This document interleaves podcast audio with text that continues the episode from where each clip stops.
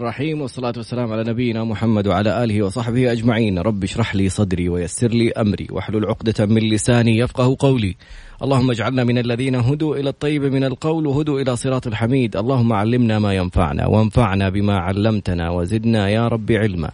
عسى أن يهديني ربي لأقرب من هذا رشدا. على الله توكلنا. ربنا آتنا الحكمة وفصل الخطاب ربنا آتنا رحمة من عندك وعلمنا من لدنك علما إنا إن شاء الله لمهتدون. كل خميس من الثانية إلى الثالثة مع المستشار القانوني المحكم الدولي المحامي خالد أبو راشد. نار على علم ما شاء الله لا قوة إلا بالله. يعني أحب يعني أقول لك بيض الله وجهك. بعض الأشخاص اللي جيراننا وأشخاص سألوني عن مواضيع بعدين قابلوك فيها. فشكرا على الآراء السديدة. شكرا على المعلومات اللي واحد ثاني بيقول لي يقول لي ما تعرفوا قد إيش الأجر اللي بتكسبوه أنت وأبو محمد على المعلومات اللي بتوعوا الناس بتقووا الناس تعرفوهم على حقوقهم. فحسيت بفخر والله فعلا. والحمد لله. فشكرا أبو محمد. يا رب. قول إيش يعني؟ طيب. شوف شوف هذه إيش؟ هدنة من البداية. لا أكيد شلات السلام عليكم. يلا. بسم الله الرحمن الرحيم. الحمد لله رب العالمين والصلاة والسلام على نبينا محمد وعلى آله وصحبه أجمعين. أهلا وسهلا بك طراد وبكل اللي بيستمعونا عبر إذاعة مكس إف إم واللي بيتابعونا عبر مختلف وسائل التواصل. وإن شاء الله تعالى نتمنى له نتمنى لهم إننا نقدم معلومة مفيدة. السؤال اللي كان موضوع حلقتنا اليوم يا طراد وهو هل سوء الخلق يعتبر جريمة؟ هنا السؤال، هل مم. سوء الخلق ممكن إنه يعتبر جريمة؟ سألت السؤال هذا فكان في اختلاف في الإجابات البعض يقول أنه سوء الخلق هذا أمر يخص الإنسان نفسه سيء الخلق يعني ما ما يرقى إلى جريمة. طبعا خلونا نتحدث ابرت الإجابات معنا في وسائل التواصل اللي بيقول لا واللي بيقول جريمة. فإحنا هنا اللي حنقوله كالآتي ناخذها جزئية جزئية. اولا هل سوء الخلق سببا لوقوع الطلاق أم لا؟ طبعا. نبدأ للإنسان من بيته. طبعا برافو عليك. لأنه مين ممكن يعاشر إنسان سيء الخلق أو يعاشر انسانه سيئة الخلق؟ يبقى أول جزئية هذا سوء الخلق ممكن يؤدي إلى الطلاق لا قدر الله ولا سمح الله. طيب إلى الآن ما في جريمة. طلاق جميل جدا. هل تعلم أن لائحة الذوق العام أغلبها أخلاقية. قائمة على سوء الخلق؟ سواء كان يعني مثلا في آه، في الكتابة على الجدران في إزعاج الناس مثلا في الأماكن العامة في إيذائهم في تصرفات سلوكيات معينة مثلا برفع الصوت ب يعني مظاهر كثيرة تعتبر إيه؟ سوء خلق. ولكن إلى الآن هذه لائحة الذوق العام هي تعتبر مخالفات وليست جرائم. بس أبغاك تسجل عندك إطراد لأن حنجي للجزئيه هذه. اذا أول شيء ممكن اسريا يكون الطلاق. طيب في لائحة الذوق العام ممكن تكون مخالفات. طيب خلونا نأتي نحن برنامجنا قانوني يا طراد. خلونا نأتي للمادة الثالثة الفقرة الثالثة من المادة 80 من نظام العمل. يفصل فيها الموظف نظام العمل حقوق. نص في المادة 80 على أنه يفصل العامل بدون إنذار وبدون مكافأة نهاية خدمة في الحالات التالية. فورا فصل. يعني تخيل يا طراد لو كان له 20 30 سنة 10 سنين مكافأة نهاية خدمة حقته تروح عليه وبدون إنذار فجأة كده فصل. الفقرة الثالثة من المادة 30 إذا ثبت ارتكاب سلوكا سيئا. إذا النظام أو نظام العمل نص صراحة على أن ارتكاب الإنسان لسلوك سيء سببا نظاميا يؤدي إلى فصله بدون مكافأة نهاية خدمة ولو كان له 30 ولو كان له 40 سنة. مهما بلغ منصبه مهما كان منصبه مهما بلغت مكافأة نهاية خدمته ممكن على سوء سلوك يؤدي إلى فصل هذا الإنسان. اذا شوف إلى الآن إحنا نتكلم يا طراد هذه شغاله سماعات إيه؟ شوف إحنا لما نتكلم يا طراد الآن نتكلم عن اولا قلنا ممكن يؤدي اسريا إلى الطلاق ممكن يؤدي إلى لائحة الذوق العام مخالفات. الآن ممكن يؤدي إلى أيضا الفصل من الوظيفة. وحرمانك من حقوقك. مكافأة نهاية الخدمة. يا الله يعني أنا ما رحت مثلا زورت ما قصرت في عملي ما مثلا ارتكبت لي جريمة على سوء خلق. طيب هل يعني هذا هو فقط لا غير؟ لا. ما إحنا الآن جايين جزئية جزئية. طيب غيره؟ هل يؤدي إلى التعزير شرعا؟ طبعا. أنت لو سبيت شخص هذا سوء خلق. السب هذا سوء خلق ولا حسن خلق؟ طب هذا جريمة. يؤدي فيه إلى التعزير شرعا من سجن أو جلد طيب لو قذفت إنسان هذا حد يبقى ده حد من حدود الله عز وجل الله الله الله, الله. يعني إحنا نرجع العظيم. شوف طلاق ممكن فصل من الوظيفة مخالفات ذوق عام تعزير شرعا أو تصل إلى حد من حدود الله عز وجل. هنا بيقول الفصل على المادة 8 على سوء الخلق لازم تتوضح شوي. طيب حنوضحها إن شاء الله. هل انتهينا؟ لا لسه ما, ما انتهينا.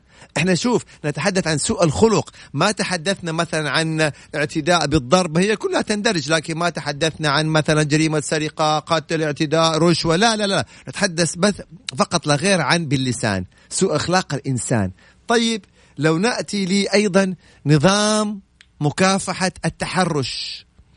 نظام جنا... جنائي جزائي يصل فيه إلى آه، سنتين سجن وبعض الحالات إلى خمس سنوات سجن. أيضا ما هو التحرش عبارة عن إيه؟ سوء خلق. شخص. يتحرس بآخر ممكن عن طريق اللسان برضو. إنما, إنما بعثت لأتمم مكارم الأخلاق. يا سلام جاي لك جاي لك. طيب يعني إحنا كده وصلنا إلى هل ممكن أكثر من ذلك؟ تعالي نظام مكافحة الجرائم المعلوماتية. التغريدات المسيئة. ما هي؟ التغريدات اللي في تويتر يا طراد أو السنابات. هذا كله يمثل خلق الإنسان. تغريدتك هي انعكاس لأخلاقك. حديثك مع الآخرين انعكاس لأخلاقك. الكلمات ما تتحدث. عنه في السناب انعكاس لأخلاقك وليس أخلاق الآخرين. طيب لو أنت تحدثت في السناب بما يسيء أو كتبت في تويتر بما يسيء طب ما فيها سنة سجن وممكن تصل إلى خمس سنوات سجن وممكن تصل إلى عشر سنوات سجن عشرة في لو. كانت تغريداتك يعني آه، مثلا أمن تمس الدولة. الأمن الدولة أمن الوطن أو شريعتنا الإسلامية أو أو أو تصل إلى حد أقصى يعني عارف يا طراد لما بس فقط لا غير نتدبر سوء الخلق شوف إلى يعني إلى فين ممكن يؤدي بالإنسان؟ ممكن في بيته يتهدم بيته أسرته بسبب سوء أخلاقه. ممكن في عمله ينفصل بدون مكافأة أيضا بسبب سوء أخلاقه. ممكن في الشارع أيضا يتغرم ويتخالف بسبب سوء أخلاقه. ممكن لو سب إنسان يعني ممكن إنسان يكون في السجن بسبب سوء أخلاقه فقط. ما ما اعتدى ما ضرب ما كذا طيب إيش المناسبة هذه يا طراد؟ ما إحنا لو نتدبر. الآية القرآنية الكريمة لما الله عز وجل وصف أو أثنى على الرسول صلى الله عليه وسلم وإنك لعلى خلق. وإنك لعلى خلق عظيم. عظيم. طيب السؤال الرسول صلى الله عليه وسلم فيه من الصفات ما لا يعد ولا يحصى. يعني لو تحدثنا عن شجاعته لو تحدثنا عن صبره صلى الله عليه وسلم لو تحدثنا عن كرمه لو تحدثنا عن قيادته لو تحدثنا عن حكمته لو تحدثنا عن عطفه عن حنانه عن يعني عن قضائه عن أمور كثيرة جدا صلى الله عليه وسلم لا نستطيع أن نحصي الصفات الرسول صلى الله عليه وسلم طيب.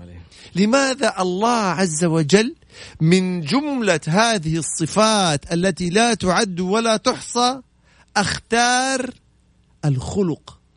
لماذا الله عز وجل لما حب يثني على الرسول صلى الله عليه وسلم أو حب يصف الرسول صلى الله عليه وسلم وصفوا ب إنك لعلى خلق. شوف من كل الصفات هذه كان ممكن لله عز وجل أن يتحدث عن شجاعة الرسول وعن حكمة الرسول صلى الله عليه وسلم وعن صبره وعن بلاغته وعن أدبه وعن عطفه وعن ك- يعني لا تعد ولا تحصى. ولكن من كل هذه الأمور تحدث عن خلقه فلماذا الله اللي جمع عز وجل في, كل الصفات هذه. نعم فلماذا من كل هذه الصفات الله عز وجل أختار الخلق؟ هنا يا طراد يعني نتأمل هذه الجزئية بعد الفاصل. الفقرة القادمة بإذن الله والأسئلة أيضا. سبحان الله. يعني إنما بعثت لأتمم مكارم الأخلاق. ومرة ثانية كل القوانين وكل الأشياء اللي صايرة مستقاة من من الشريعة الإسلامية. بعد قليل إن شاء الله نتابع.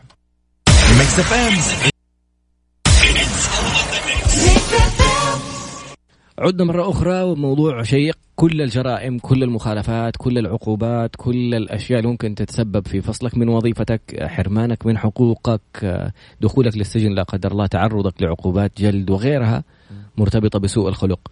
أو محمد هنا البعض بيتحدث عن سوء الخ... إيش الفرق بين القذف. والسب؟ مثلا. جميل. فإحنا نتحدى أول وصف حسب السؤال اللي جاء. إحنا كل ما يتعلق بشرف الإنسان هذا قذف.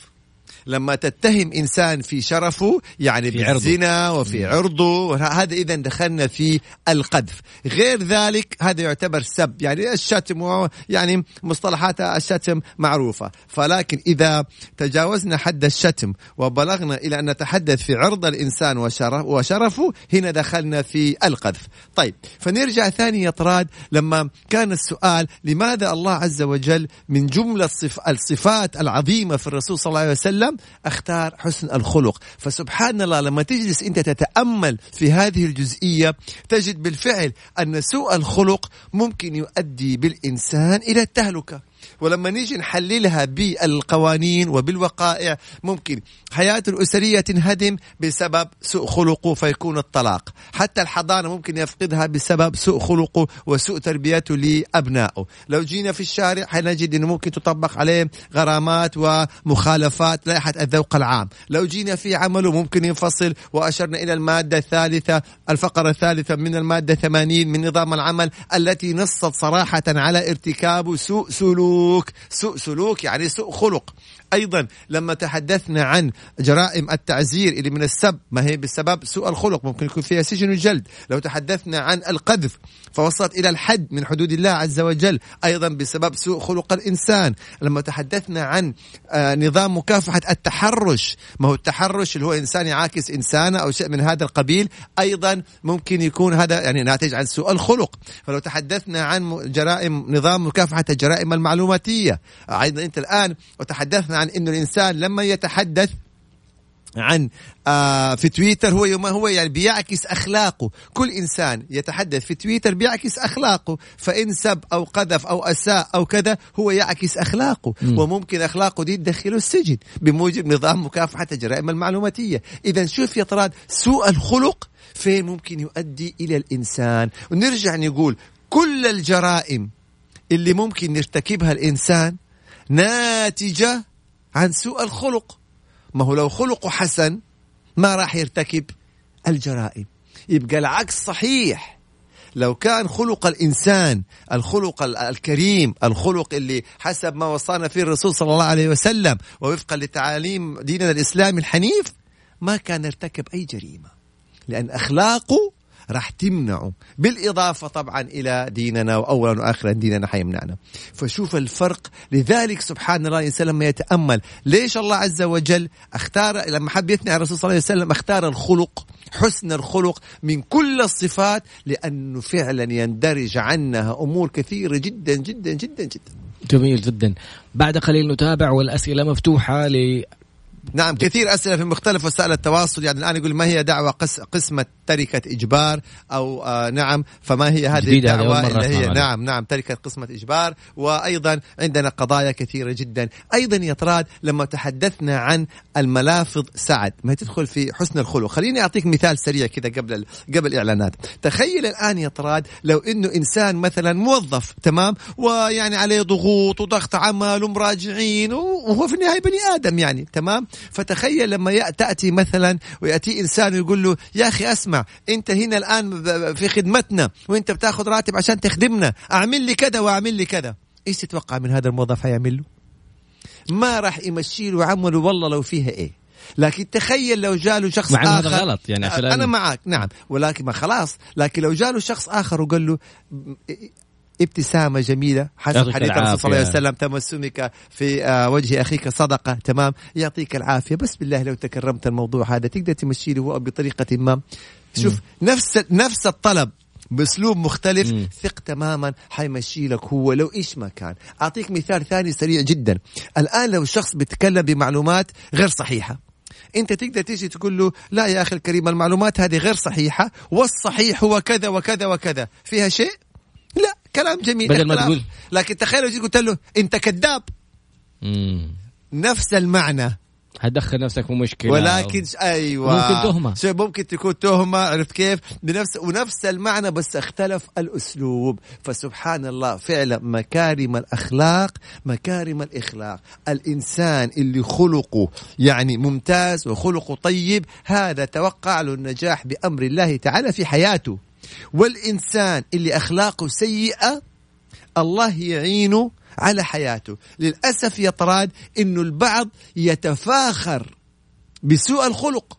ما. قد عدى عليك شخص يقول لك يا أخي لو سمحت ترى أنا أخلاقي واصلة ما بعرف اين أنا ترى ما أتحمل ترى أنا أغضب بسرعة والله. ترى أنا ما أتحمل كلمة. والله اللي يقول لي أعمل له. ويتفاخر إنه هو يعني إيه ما عنده صبر. ما خليت لهم ولا بقيت ولا. عنده مش عارف مين. هذا إنسان كيف تتوقع أنه حيتعامل مع زوجته؟ كيف تتوقع أنه حيتعامل مع أولاده؟ كيف تتوقع أنه حيتعامل مع مديره مع زملائه مع مجتمعه؟ هذا حتجده دائما فين؟ يعني حتى تلاقي الناس تلقيه لا لا لا ده أبعد عنه أعوذ بالله. على قولة يعني المصطلح العام لسانه إيه؟ متبري منه. يرش هذا. أبعد عنه هذا مش عارف مين. فليه إحنا نجد نحط نفسنا في هذا الإطار السيء المنبوذ ونتفاخر؟ البعض طبعا وإن شاء الله أن هم قلة بهذا الأمر. فشوف إحنا الآن بالقانون حللناها سوء الخلق. كيف يبدأ؟ بقضايا اجتماعية وممكن يؤدي بصاحبه إلى السجن. وهنا الشباب بيقولوا إن الله يعطي على الرفق ما لا يعطي على الشدة. وكثير جدا شكرا معتز وكثير جدا من اللي بيتابعوا وإنما بعثت لأتمم مكارم الأخلاق بمفاعلات جدا جميلة عن حسن الخلق. فلازم يطراد مشاغل الحياة. ما تشغلنا عن هذا الأمر. ترى سوء ترى يعني فعلا سوء الخلق بيؤدي إلى الإنسان بمهالك. شوف يمكن اليوم كانت غايبة عننا. مين كان يجي في باله إنه سوء الخلق ممكن يكون جريمة؟ مين كان يجي في باله إنه سوء الخلق ممكن يكون قذف وحد من حدود الله؟ مين يجي في باله إنه سوء الخلق ممكن يكون فيها تعزير؟ ممكن يكون فيها سجن؟ ممكن يكون فيها فصل من الوظيفة مين كان يجي في باله الأمر هذا كله؟ والعكس أكيد صحيح. وسبحان ف- الله أبو محمد دنيا وآخرة يعني أيوه تفضل. شر الناس من اتقاه الناس مخافة شره. يعني الناس بس بي- بيبعدوا عنك عشان يكتفوا شرك. لا تغرك يا طراد سلطة أو نفوذ منصب مثلا في وظيفة كبيرة وبالتالي أنت يعني بحكم هذا المنصب مثلا يعني تتلفظ على الآخرين وتنهرهم ولأنه ما يقدروا يعملوا لك شيء بس يقدروا يدعوا عليك. يقدروا يدعوا عليك. يا الله وتتوقع أنت يعني دعوة مظلوم. إيش الله عز وجل ممكن يعمل معاك؟ فلا تغرنا قوتنا نفوذنا. أنا مدير كبير في شركة ولا مسؤول في جهة حكومية ولا كذا وبالتالي الموظفين ما يقدروا يعملوا لي شيء. مهما سبيتهم مهما تنمرت والله. عليهم مهما تهكمت عليهم يعني هم يبغوا رضايا تمام؟ هذا صحيح. ممكن يتبسموا في وجهك إيه بس ما تدري أنت في الليل لو رفع يده لله عز وجل في بيته أو راح الحرم أو في المسجد أو في أي مكان ودعا عليك والله لا حتنفعك سلطتك ولا تنفعك صحتك ولا تنفعك وظيفتك ولا غناك ولا نفوذك أمام دعوة مظلوم لو الله عز وجل قبل بهذه سبحان فلا. تغرنا هذه الدنيا ذكرتني بموقف كنا بندرب في أحد الشركات مجموعة مدراء بنحكي عن شركة ثانية كبيرة مم. فهذول المدراء يقولوا حتى لو جاتنا رواتب أعلى في الشركة الكبيرة هذه ما نروح. قلت لهم ليه؟ قالوا عندهم مدير تفضل. يقول لهم كذا أنا معطيكم رواتب عالية هذا حقكم. أنا مضيف لكم عليه عشان أهينكم فيه. تفضل. و- لا طيب تفضل. طيب. هذا مدير. ال- الموظفين اللي موجودين في الشركة والله واحد من المدراء هذول اللي بندربهم يقول يقول أغلبهم يا ضغط يا سكر يا حاطين صمامات. وسبحان الله وتدور الدنيا وتحصل مشكلة في الشركة وهذا الشخص يعني يهان أمام الناس. كما تدين تدان. ابدا كما تدين تدان. ما حيضيع حق ابدا. بل أحيانا البعض يقول يا أخي طب شوف هذا يتجبر ومستمر. ما يدريك. إيش الله عز وجل. ناويه؟ يزيد في غيه ويزيد في طغيانه. ولكن يمهل ولا يهمل. الله عز وجل قال الكلام هذا يمهل ولا يهمل. فننتبه تماما والله يا طراد كل حلقات حلقاتنا القانونية وعلى مر السنوات اللي راحت تمام؟ شفت حسن الخلق؟ هذا يعني سبحان الله كيف إنه ربنا اختار هذه الصفة في الرسول صلى الله عليه وسلم. حسن الخلق ينهاك عن الجرائم وينهاك عن المخالفات ويحبب فيك خلق الله عز وجل وأكيد الله عز وجل. وأما سوء الخلق والعياذ بالله فينفر عنك الناس وأيضا ممكن يدخلك في يعني تهلكات وفي آه، مآسي. والبعض زي ما هنا البعض بيشير إلينا بيقول إلى إنه البعض فعلا يتبجح. مم. بسوء خلقه. أنا أعصابي واصلة خشمي أنا لا أحد يكلمني أنا أي كلمة ترى أهيج أنا مدري إيه. يتبا يعني يتفاخر بهذا الأمر والعياذ بالله. ولكن على مين؟ على موظفينه على مثلا يعني اللي بيعملوا عنده على زوجته على بعض أصدقائه اللي أمرهم لله متقبلينه. لكن لو جاء من هو أكبر منصب منه لا زي. يط- من جد والله. تشوف اشخاص. تشوف تعاملهم من جد والله. تشوف تعاملهم بعدين تشوفوا مثلا لو جاله وزير ولا جاله شخص ولا مسؤول ولا كذا. كأنه انقلب 180 درجة. لو جاء مديره بس كيف يعني؟ فسبحان الله هذه هي بس الفكرة اللي حبينا نوضحها لكل اللي بيستمعونا أحيانا في تكون في أمور غايبة عن عيننا غايبة عن نظرنا. نرجع تاني نتمسك بمكارم الأخلاق. والله الكلمة الطيبة يعني هو مثل يعني إنه تعمل مفعول السحر بالكلمة مم. الطيبة. كلمة الاعتذار. ترى ما هو عيب الاعتذار. الاعتذار يعني بالعكس من الأمور الحسنة جدا جدا جدا. التبسم في وجه الناس. ال- يعني نجي سؤال بالعكس. طب إحنا تحدثنا عن أضرار سوء الخلق والجرائم. طيب حسن الخلق. أعطيني ضرر واحد لحسن الخلق. لو أنت إنسان تتحدث مع الناس بأسلوب راقي وبأسلوب جميل وحتى طلباتك مع الآخرين حتى مراجعاتك وتطول بالك وسعة صدرك أعطيني ضرر واحد فقط لا غير على حسن الخلق. لن تجد. ولكن تعال شوف عدد وأنواع الجرائم على فكرة يا طراد أنا تحدثت عن الجرائم اللي بالقول. فقط اللي هي. سوء الخلق يعني عرفت كيف؟ ما تحدثنا عن ممكن بعد ذلك يجي إلى ضرب وإلى قتل لا سمح الله وإلى لا لا لا لا إحنا بس نتحدث عن إيه؟ عن سوء الخلق ما هي عدد الجرائم اللي ممكن تسير وكيف إنه حتى في عملك ممكن تفصل بسبب كلمة. البعض هنا يقول طيب سوء السلوك اللي هو سوء الخلق كيف نعرف؟ اعطينا أمثلة في الفقرة مين القادمة أقول يقيم سوء السلوك أنا إيش عرفني إنه هذا سلوك سيء ولا هذا سلوك غير سيء هذا سؤال جدا مهم ننتظر أسئلتك على صفر خمسة أربعة ثمانية وثمانين واحد واحد سبعمية. صفر خمسة أربعة ثمانية وثمانين واحد واحد سبعمية. آه، أو اكتب على خالد أبو راشد في تويتر أيوة. وممكن يجاوب لك على أسئلتك بعد قليل إن شاء الله نتابع.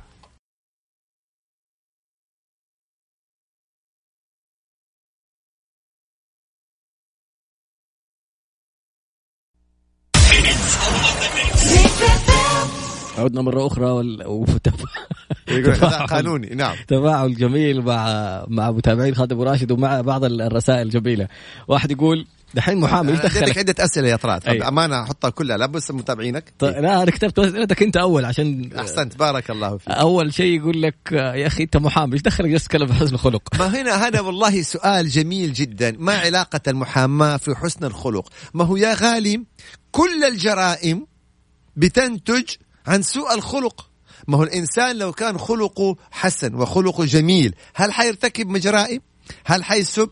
هل حيقذف؟ هل حيعتدي على أعراض الناس؟ هل حيتحرش بالناس؟ حتى يا رجل نظام الحماية من الإيذاء فيه له من حسن الخلق. مم. فلو الإنسان اللي مسؤول عن مثلا إيه عن أبنائه أو عن من هم تحت رعايته تمام؟ أيوه يقول لك حتى التعنيف النفسي التعنيف النفسي أو التهديد. هذه فيها عقوبة تصل إلى ستة شهور سجن. سوء الخلق. فإذا قانونا يا غالي سوء الخلق سببا لارتكاب الكثير من الجرائم وهو في حد ذاته جرائم زي ما تحدثنا عن السب والقذف والتحرش والاتهام والاتهام هو هذا حسن خلق ما هو اتهام سوء خلق. لما تتهم إنسان بالرشوة. طب هذه جريمة.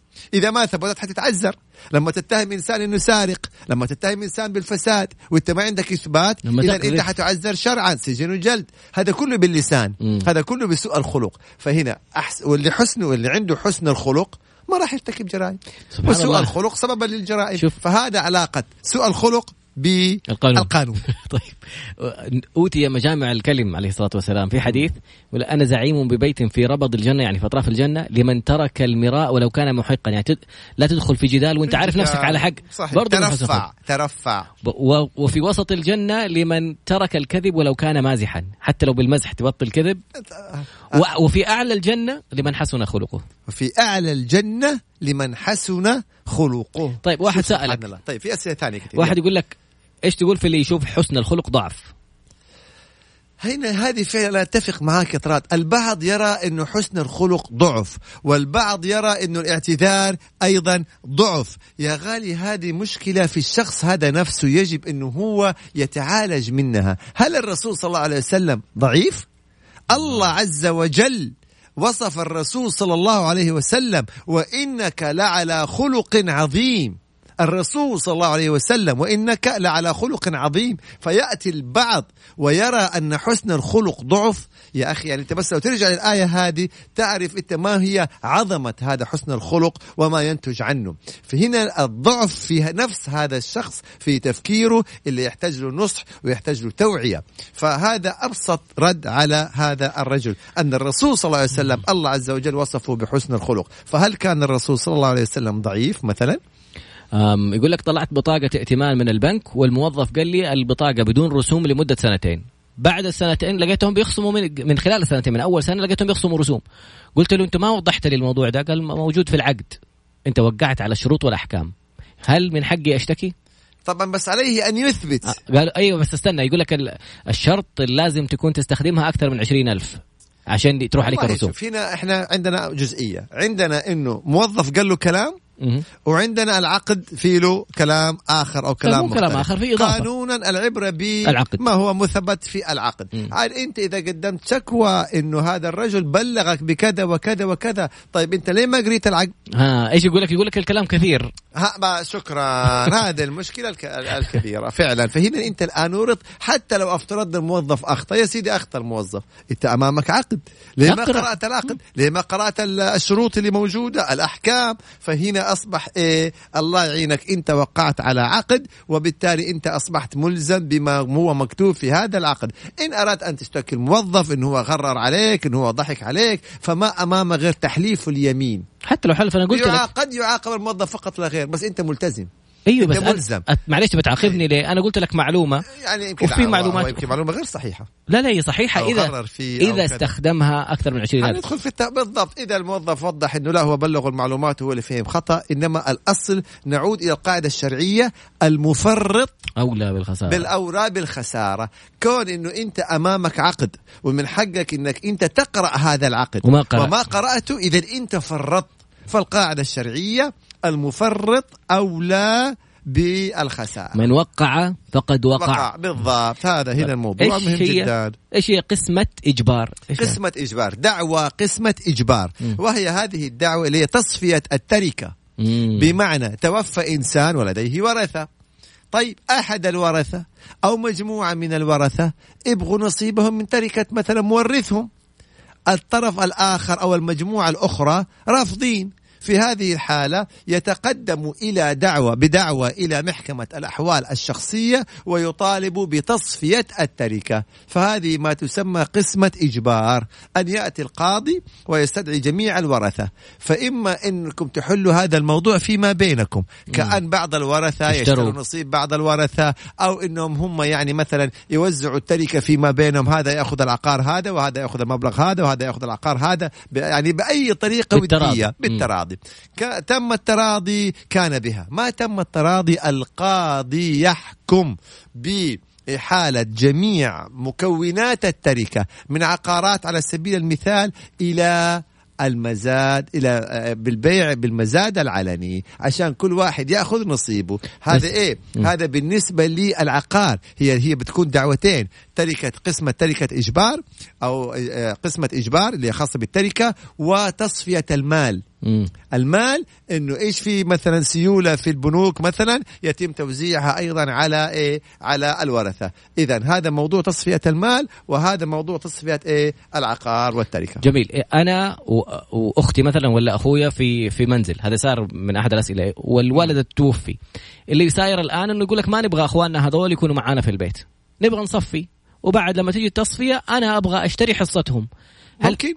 ممكن انت تطلب إن آه انه جميع العقار ينزل في مزاد. المزاد okay تمام ونشوف أعلى سعر في المجال في المزاد أعلى سعر. أيوه فأجي أنا وأقول طيب أنا أبغى أشتري كوريث بالعكس هذا ما يسمى بحق الشفعة مم. ما هو حق الشفعة؟ حق الشفعة يكون للوريث ويكون أيضا للشريك. على سبيل المثال تمام فبدل ما يأتي هذا الشخص الأجنبي ويشتري التركة أو يشتري العقار كم جاب لكم أعلى سعر هذا السعر طيب أنا أولى مم. أنا وريث مم. وبالتالي لي حق الشفعة وأنا أشتري هذا العقار بس أقدر أشتري- كذلك الأمر بالنسبة للشريك اثنين شركاء مثلا في أرض. وحب يعني أراد القاضي بنا- بسبب خلاف الشركاء أن تباع هذه الأرض. هذه الأرض جابت سعر لمشتري آخر أجنبي. فجاء هذا الشريك أو أحد الشركاء قال يا أخي أنا أولى. هذا هو حق الشفعة. أنا مم. أولى لأني أنا شريك. أنا أدفع نفس المبلغ وأخذ الأرض. هنا نعم له الحق في ذلك. حق أقدر أشتري حصة أحد. وأقول هذول ما نبغاهم نشتري حصتهم ويطلعوا كيف؟ في البيت نشتري حصة اثنين مثلا من أيوة. الأخوان ويطلعوا. طب هم أصلا يبغوا يبيعوا. أيوة. هم أصلا أنا أبغى أبيع يبيعوا أنا أبغى أبيع وما أبغاك تكون موجود في البيت لا أنا أبغى أنا في هذه الحالة أنا أبغى أبيع تمام أوكي. في هذه الحالة حيأتي ال- الوريث الآخر مم. حيقول يا أخي أنا أشتري إذا أنت تبغى تبيع مم. أنا أشتري أنا أولى من الغريب جميل. هذه مس على سبيل المثال. إذا بالضبط. عندك. آه، إيش تشتري ما عندك تطلع. ما عندك بالضبط. تاخذ حصتك وتطلع. إيه بالضبط. آه ابني ضربه مدرسه بعصا في مدرسة خاصة. ما الإجراء؟ فين أروح اشتكي تتقدم بشكوى اولا خلو شكوى إدارية وشكوى جنائية. أوه. الش... ضربوا بعصا. الشكوى الإدارية طبعا إلى مدير المدرسة وإن لازم الأمر مدير التعليم وتصل إلى وزارة التعليم أو وزير التعليم. تمام؟ لأن الضرب بالعصا هذا ممنوع تماما. جنائية في الشرطة؟ هنا ممكن إلى قسم الشرطة وقسم الش... وطبعا تنظر هذا البلاغ وتحيل إلى النيابة. ده اعتداء ده ضرب بالعصا. يعني هذا اعتداء هذا ممنوع. تماما. في بعض اللبس يطراد الناس تعتقد إنه من قال أنه يحق للمدرس أن يعتدي على الطلاب بمثل هذا النوع بالضرب بالعصا ولا بحجر ولا بحديدة ولا مين قال هذا؟ تمام؟ من قال أنه يحق للزوج أو الزوجة إنه كل واحد يعتدي على الثاني بالضرب؟ وانت شفت الآن قضايا لدينا كثيرة إنه الزوج ضرب زوجته وفي النهاية ما قالوا كان قسم الشرطة. مم. ونيابة ومحكمة جزائية. وسجن وجلد. وسجن وجلد. احسنت مبدأ الضرب هذا مرفوض. مرفوض تم عندك مية عقوبة. أما تضرب وتعتدي هذا مرفوض تماما تماما تماما. طبعا يستثنى من ذلك التأديب البسيط عشان نكون واقعيين يعني. بين الأب وأبنائه الأب وبناته الأم وأبنائها بناتها. على كتفه يعني وعلى- هنا بيقول لي والله كنا ننجلد بلي الغاز وبالسلك وب... أنا والله يعني كلنا كنا نفس الشيء ترى يعني والأدوات مختلفة مع اختلاف الأدوات أيوة. لكن خلينا نقول لكل فترة من الزمان يعني ظروفها. فيعني الاستثناء الوحيد التأديب المعقول. بالنسبة للآباء وأبنائهم بس حطوا تحت كلمة معقول عدة إيه؟ شرطات. المعقول. مو تشوه مو- وتقول لي أربيه. مو تشويه وجلد وتعذيب وتقول لي بربيه لا. حرب. المعقول جدا جدا جدا. نعم. سؤال يقول لك أنا في هيا عقدي شو السؤال هذا؟ كم مرة انضربت يا أبو محمد من المعلم؟ والله انضربنا من المعلم وانضربنا من الوالد الله يرحمه. ويعني ما إحنا يعني انضربنا لما كثير الحقيقة. يعني واحد يقول عقد- يكون صادق مع الناس بس إيه. عقدي مكتوب فيه إنه 5% زيادة سنوية في الراتب ولي ثلاث سنوات ما زادوني. جميل.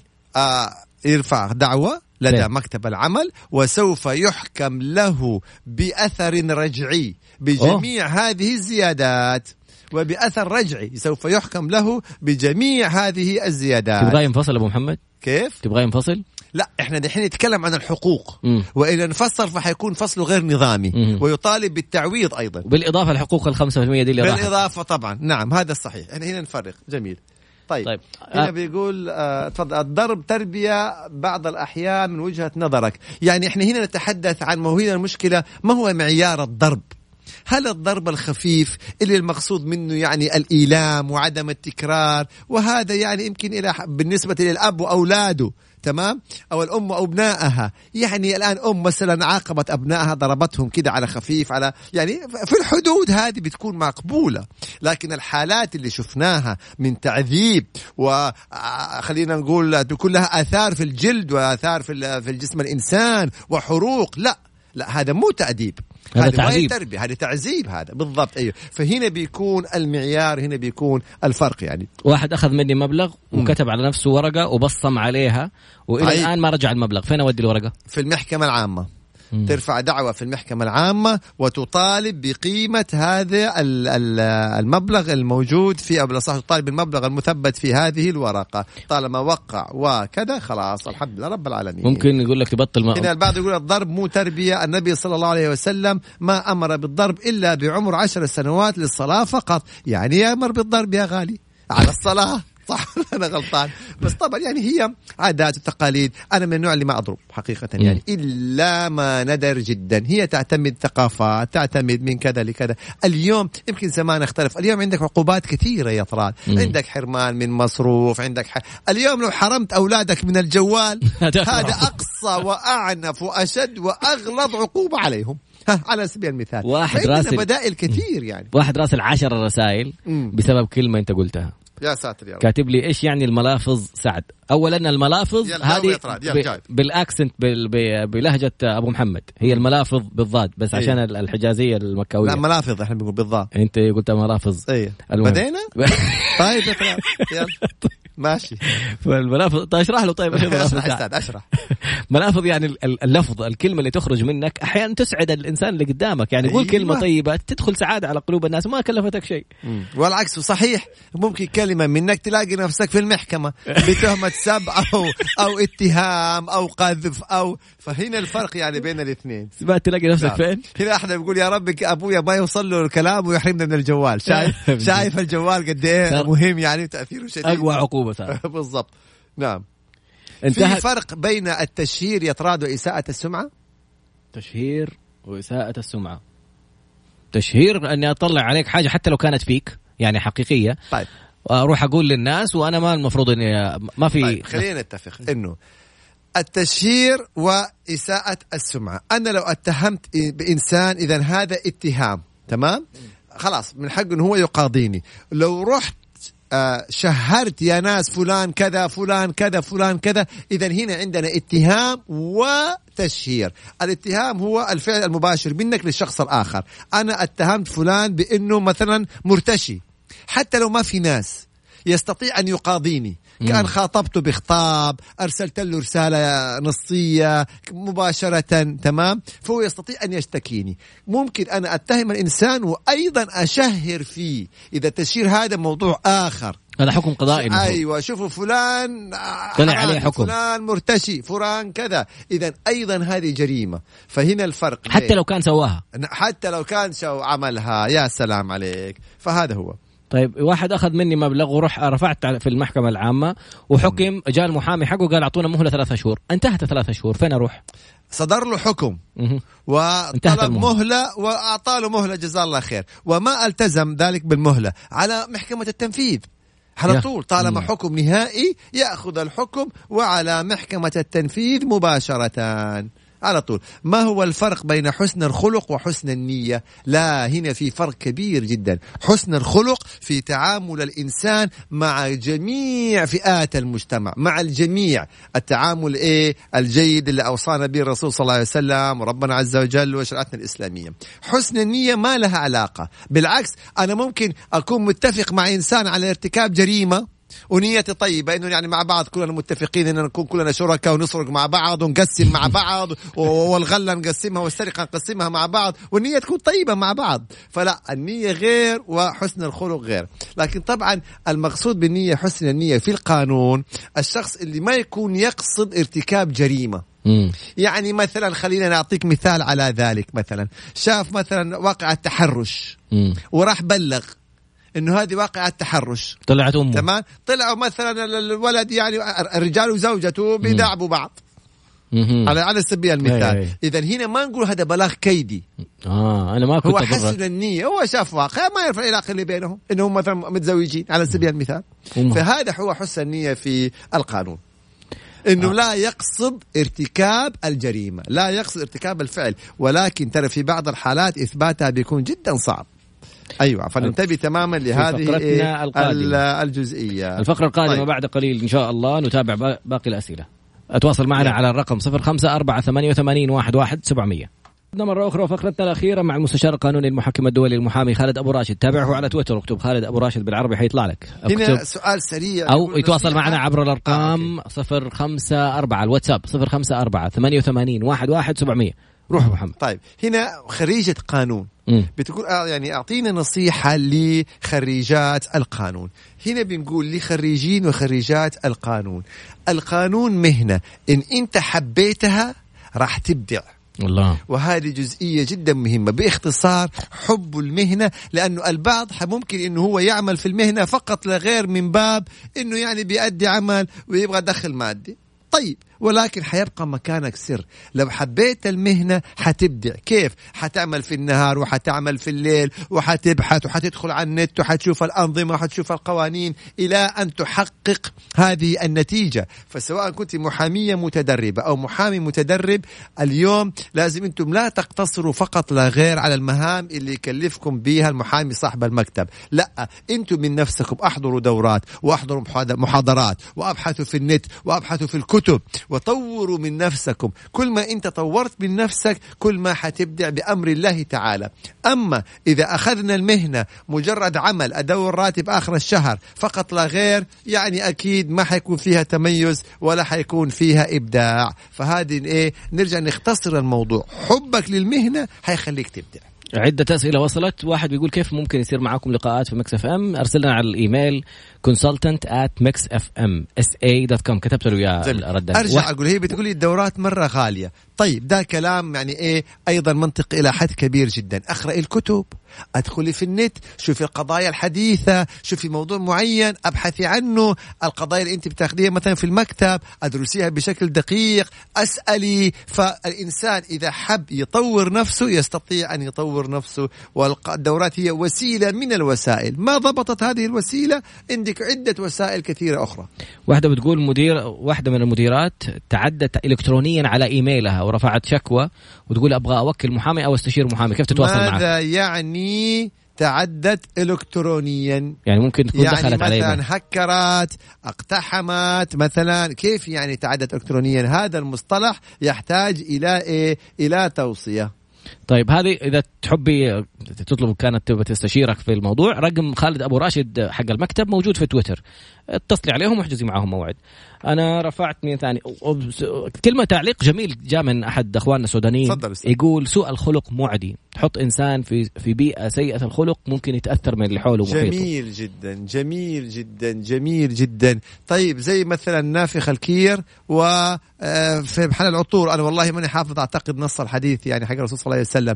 إنه كيف الإنسان لما يكون في محل عطور يعني محل طيب أيه. إلا ما يجي له شيء من هذا الطيب وكيف الإنسان لما يكون مثلا في محل يعني هو مثلا نافخ الكير أعتقد. محل حدادة أو شيء من هذا القبيل فإلا ما يجي له ممكن شرار ممكن كذا ممكن كذا هو ليس تقليلا من هذه المهن الطيبة لكن. كمثال فقط لا غير زي حامي والمسك بالضبط تمام فنفس الشيء صديق السوء. أكبر المصائب إن لم يكن جميعها تأتي من صديق السوء الأب ما حيعلم أولاد السوء لأنه حيخاف عليهم الأم ما حتعلم أولادها السوء لأنها حتخاف عليهم لكن المصيبة كلها فعلا في أصدقاء السوء. هو اللي ممكن هم اللي ممكن يفسدوا خلق الإنسان وممكن يؤدوا إلى التهلكة ولا والعياذ بالله مخدرات ولا حشيش ولا خمور محمد حتى القتل. ولا يسرق ولا كلها من أصحاب السوء. قصة الرجل اللي قتل مئة نفس وراح لعالم وقال له هل من توبة؟ فقال له نعم إنه أمامك باب التوبة مفتوح لكن أخرج من القرية اللي أنت فيها لأنه محيطك فاسد. هذا هو. فسبحان الله شوف أنت فطبعا طبعا. واحد طبعًا. رفع على شخص قضية ويقول لك طلع عليه أمر حبس. لو شفته أقدر أبلغ عليه إنهم يجوا يقبضوا عليه؟ يبلغ أيوه. يا سلام. ده كلام جميل جدا. تبلغ يبقى الجهات الأمنية هي اللي تقبض. تروح بنفسك وتبغى تمسكه ويتضارب معك حتدخل في جريمة. حتى وإن كان عليه أمر قبض ما حد قال لك تروح تضربه. ولا حد قال لك تروح تقبض عليه بنفسك. شفته في مكان ما بلغ يا جماعة هذا والله الجهات الامنيه شوف عليه أمر قبض هو موجود في المكان الفلاني. بس هم على طول ينتقلوا إليه. اشتغلنا في شركة ووقفونا على العمل بسبب ظروف في الشركة وقالوا بعد شهور حنرجع لكم مرة ثانية ونوظفكم بعقود جديدة. الآن لنا خمسة شهور بدون عمل بدون, آه بدون هذا عقود. قرار خاطئ من الشركة. ما في شيء اسمها أوقف عامل من العمل لظروف الشركة. يا إما أفصلوا تنهي خدماته وتعطي له مستحقاته يا إما رواتبه مستمرة.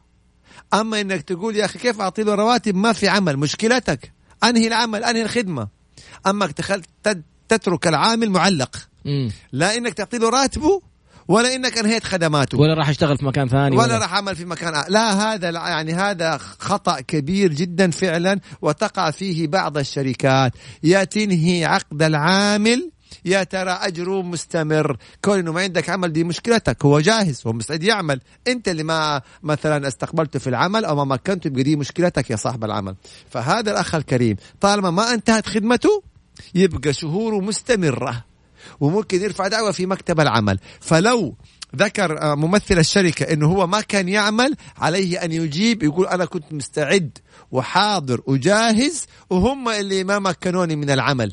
يبقى تستحق الراتب في هذه الحالة لأنه الشركة اللي رفضت دخولي مم. الشركة اللي ما خلتني أداوم أنا موجود مم. فلا هي خلتني أداوم ولا هي أعطتني راتبي ولا هي أنهت خدماتي وإنهاء الخدمات بطريقة هذه آه نهايه خدمه بالكامل ياخذ 77 أيوه. سؤال الرجل جاوبناك يا سيدي من الأسبوع الماضي اللي واحد قفل أمامه الطريق وبعدين وقف قدامه بالسيارة. قلنا اشتكي والعقوبات ما نقدر إحنا يعني مو هو قاضي أبو محمد وقال في في الإجابة الأسبوع الماضي إنه القاضي هو اللي حيحدد بناء على إيش الضرر اللي صار بالضبط نعم. بالضبط. نعم الإساءة في الأماكن العامة. نعم. طيب سؤال ثاني قلنا الاستشارات يشوفوك على تويتر. آه، أحد الأشخاص بيقول اتهمت اتهمت في عملي إنه أخذت من موظف رشوه 500 ريال. آه، عشان أنزل له مكافأة اتهم يبلغ أي. شكوى ضد هذا اللي اتهمه ويعزر شرعا. على طول يعذر شرعا. في سؤال جميل جدا. سنة سنة لا هذه مهمة طيب يعني أنت اتهمت شخص اتهمني إني إيه؟ أنا مرتشي. أخذت 500 ريال. خلاص اقدم شكوى ضده؟ دحين صار التحقيق وثبت إنه ما في ما في أدلة. أوه على طول أحول على المحكمة الجزائية أطلب تعزير شرعي برا الشغل محكمة جزائية. يتحول على المحكمة الجزائية. شخص اتهمني إني ارتشيت وصار التحقيق وثبتت براءتي. اذا اللي اتهمني يحول على المحكمة الجزائية ويعزر شرعا. wow. عشان لا نتهم الناس. جزافا. أيوه. سؤال سريع واحد يقول لي وصية بكامل التركة. حديث الرسول صلى الله عليه وسلم الثلث والثلث كثير. إذا لا يحق لنا أن نوصي بأكثر من الثلث أقصى حد الثلث. فإن أحد أوصى بالكامل التركة فهذا غير الوصية تعتبر باطلة. ولا وصية لوارث. ولا هذا حديث الرسول صلى الله عليه وسلم لا وصية لوارث. ما ينفع أبدا إن نوصي لأي من الورثة. يعني ما يصير واحد يوصي مثلا لأبنائه أو لزوجته أو لوالده أو لوالده والدته يعني ما توصي لورثة الوصية تكون لمن هم خا غير الورثة.